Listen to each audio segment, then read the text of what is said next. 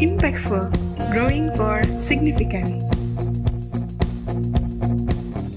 Halo sahabat pemimpin, kembali bersama dengan saya Sunjoyo Su di dalam program kita Impactful, Growing for Significance. Kita akan bahas satu topik yang sangat menarik dan tentu akan menolong para pebisnis di mana pun Anda berada. Kita akan berbicara tentang strategic focus is the key business success factor. Dan ketika kita bicara dalam konteks seperti ini, maka apa yang perlu kita lakukan? Ada beberapa hal yang ingin saya nyatakan, namun saya akan mulai dengan satu pernyataan dari Michael E. Porter. Beliau adalah bapak manajemen strategik yang sangat terkenal di dunia. Beliau katakan bahwa the essence of strategy is choosing what not to do. Luar biasa, bukan apa yang harus dilakukan, tetapi justru apa yang tidak boleh dilakukan. Artinya, ada banyak hal yang kita tidak boleh lakukan yang tidak sesuai dengan apa yang mau kita capai. Semua yang menarik kita menjauhi dari visi, tujuan, sasaran, dan target dari organisasi kita tidak boleh lakukan. Yang membuat kita segera mencapai dan on the track untuk mencapai visi, tujuan, sasaran, dan target itu yang harus dilakukan. Nah, saya ingin membahas di dalam beberapa podcast ke depan tentang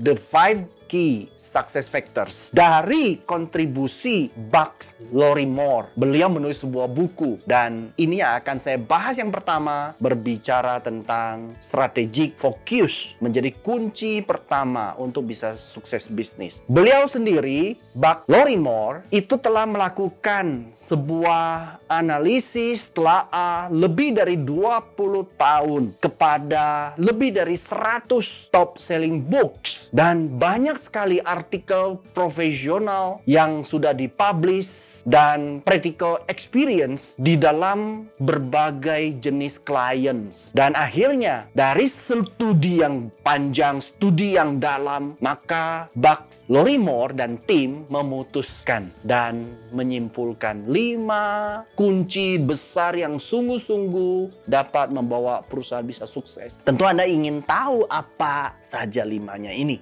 Yang pertama adalah strategic focus. Yang kedua, people. Yang ketiga adalah operations. Yang keempat, marketing. Dan yang terakhir adalah finances. Kita hari ini hanya akan membahas tentang strategic focus. Saya ingin memberikan 10 tips tentang strategic focus yang semuanya bermengarah berfokus kepada leadership and management. Yuk kita bahas satu persatu. Yang pertama adalah bicara tentang customer driven base on current surveys of customer value. Nah, ketika kita bicara customer driven base, maka apa pun yang kita ingin tawarkan kepada masyarakat, tentu berdasar penawaran satu produk itu adalah berdasarkan kebutuhan dari customer. Jika tidak, maka akan jadi persoalan. Sebuah produk yang tidak bernilai bagi customer ketika kita tawarkan apalagi kita menetapkan harga, maka mereka merasa bahwa produk tersebut tentu tidak bernilai. Tetapi ketika mereka membutuhkannya, ketika kita tawarkan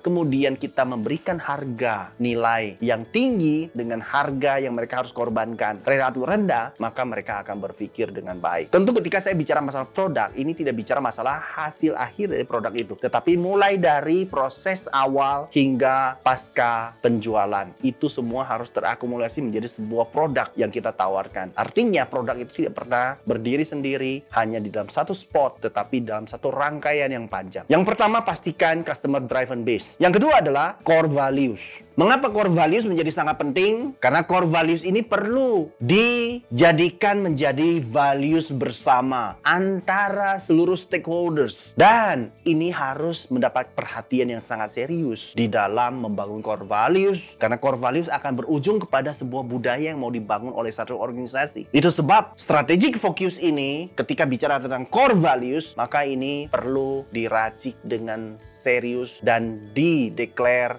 dan dibagikan diingatkan, diingatkan, kemudian dibudayakan. Sehingga semua orang berperilaku, berpikir, dan bisa merasakan dan menghasilkan berbagai produk baik barang maupun jasa. Itu basisnya adalah core values ini. Yang ketiga adalah bicara tentang leaders walk the talk and demonstrate their commitments to our values. Ini bicara tentang apa? Ketika core value sudah dicanangkan, maka para pemimpinnya, top management sampai kepada lower management, itu bukan hanya melabelkan core values itu di dinding-dinding, ditempelkan dengan begitu indah, membuat maskotnya, tetapi mereka melakukannya, mendemonstrasikannya, menghidupinya, supaya semua orang di dalam company, di dalam organisasi bisa melihat dan mereka tentu dipengaruhi untuk melakukannya bersama-sama. Ini adalah komitmen sepanjang ketika seseorang berada di organisasi. Yang keempat, kita perlu lakukan fokus untuk melakukan yang dapat kita lakukan yang terbaik. We are focused on what we do best and sustainable competitive advantage. Ketika kita lakukan yang terbaik, menjadi versi terbaik yang mampu kita lakukan dengan berbagai support dari top management dan owner, maka kita bisa memenangkan persaingan secara berkelanjutan. Ini adalah hal yang penting bagi kita setiap pribadi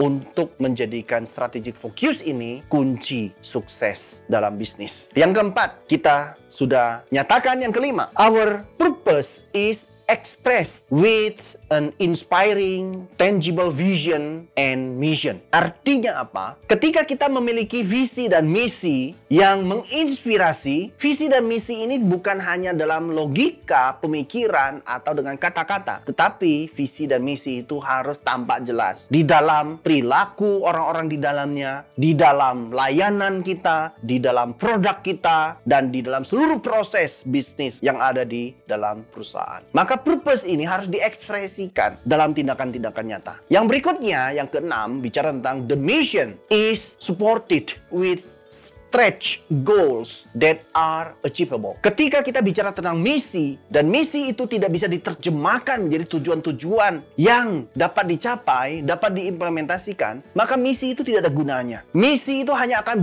berguna dan sangat powerful apabila bisa diterjemahkan dengan tindakan-tindakan nyata yang dapat dilakukan oleh seluruh stakeholders. Yang ketujuh, each goal is backed with a clear strategy, tactics, and responsibilities. Setiap tujuan itu harus betul-betul di backup oleh strategi yang sangat jelas, taktik dan tanggung jawab yang jelas. Siapa yang bertanggung jawab dan berapa lama, kapan dilakukan dengan standar seperti apa. Semua harus memenuhi yang disebut dengan SMART. Specific, measurable, attainable, realistic, and time. Ini semua harus punya basis SMART. Yang berikutnya bicara tentang progress toward goals is measured with a system guiding daily actions. Artinya kalau kita mau bicara tentang progres untuk mencapai tujuan-tujuan yang telah ditetapkan, maka tidak bisa tidak, itu harus diukur. Banyak sekali pemimpin, anggota, organisasi yang tidak suka hasil kerjanya diukur. Karena apa? Takut ketahuan kalau dia tidak perform. Tapi juga ada beberapa di antara mereka sangat suka ketika kinerja mereka diukur. Mengapa? Karena mereka sangat ingin orang lain tahu bahwa betapa bagusnya mereka melakukan pekerjaan mereka supaya ketahuan. Dan sekarang banyak sekali perusahaan sudah menginstalasi sistem, software, panduan. Semuanya pekerjaan harus di-input di dalam sistem. Dan sistem itulah yang akan melakukan penilaian yang telah ditetapkan oleh para perancang software maupun sistem itu. Supaya membantu perusahaan untuk secara otomatis bisa menilai sebagus apa pekerjaan dan sebagainya. Tentu melalui beberapa level approval dari manajemen yang telah ditetapkan. Progres menjadi penting dan itu harus diterjemahkan sampai daily actions. Jika tidak diterjemahkan sampai daily action, maka akan jadi persoalan besar. Let's say, satu kasus baru dinilai di akhir bulan. Dan di akhir bulan adalah kasus ini akan diselesaikan. Ternyata tidak dinilai harian. Ternyata pada saat di akhir bulan, pada saat dinilai ternyata jelek. Maka kasus ini, pekerjaan ini akan terbengkalai satu bulan kemudian. Oleh sebab itu ketika kita sudah kawal harian, maka ada beberapa penyesuaian yang perlu kita lakukan. Kita perlu lakukan ya tidak apa-apa. Tetapi memastikan sampai akhir bulan bulan program ini, kasus ini akan terselesaikan. Yang kesembilan, plans for the future are updated at least annually and communicated internally. Ini bicara tentang rencana-rencana masa depan itu harus adalah rencana yang diperbaharui atau diupdate. Setidaknya dilakukan setiap tahun dan dikomunikasikan secara internal dengan baik. Komunikasi menjadi kata kunci dari perencanaan. Perencanaan ketika dibicarakan itu bisa sangat ramai, penuh dengan perdebatan. Tetapi ketika tidak dikomunikasikan, maka ini bisa sangat menakutkan sepanjang tahun itu orang tidak bisa melakukan dan tidak ingat apa rencananya dan ini bisa menggunakan berbagai media untuk komunikasi. Lebih baik perusahaan membangun sistem seperti nomor 8 tadi, maka itu akan menolong kita semua untuk tetap on the track sepanjang tahun. Yang terakhir, elemen terakhir di dalam strategic focus kita, tips kita adalah bicara tentang all success factors are coherently aligned in a realistic strategic management system. Seluruh faktor sukses itu harus secara bersama-sama selaraskan di dalam sistem manajemen strategik yang realistis. Kenapa realistis? Tidak bicara masalah idealisme. Karena kita bicara realistis, itu bicara tentang hal yang bisa diimplementasikan. Itu sebab setiap bagian, setiap sendi di dalam sebuah organisasi itu harus kerja sama-sama. Baik untuk pekerjaan yang sifatnya serial maupun pekerjaan yang bisa dilakukan secara paralel. Itu semua harus dilakukan dengan sangat baik. Karena jika tidak, maka akan mengganggu proses berikutnya. Dan itu harus dikendalikan dengan sangat baik. Tentu kita bisa menggunakan sistem. 10 hal ini akan menjadi tips bagi Anda sebagai seorang pemimpin perusahaan untuk menjadikan strategic focus ini menjadi kekuatan untuk sukses bisnis Anda. Sebagai penutup, saya ingin memberikan satu quote kembali dari Michael E. Porter, seorang bapak manajemen strategik. Beliau katakan bahwa strategi is about making choices. Trade-offs, it's about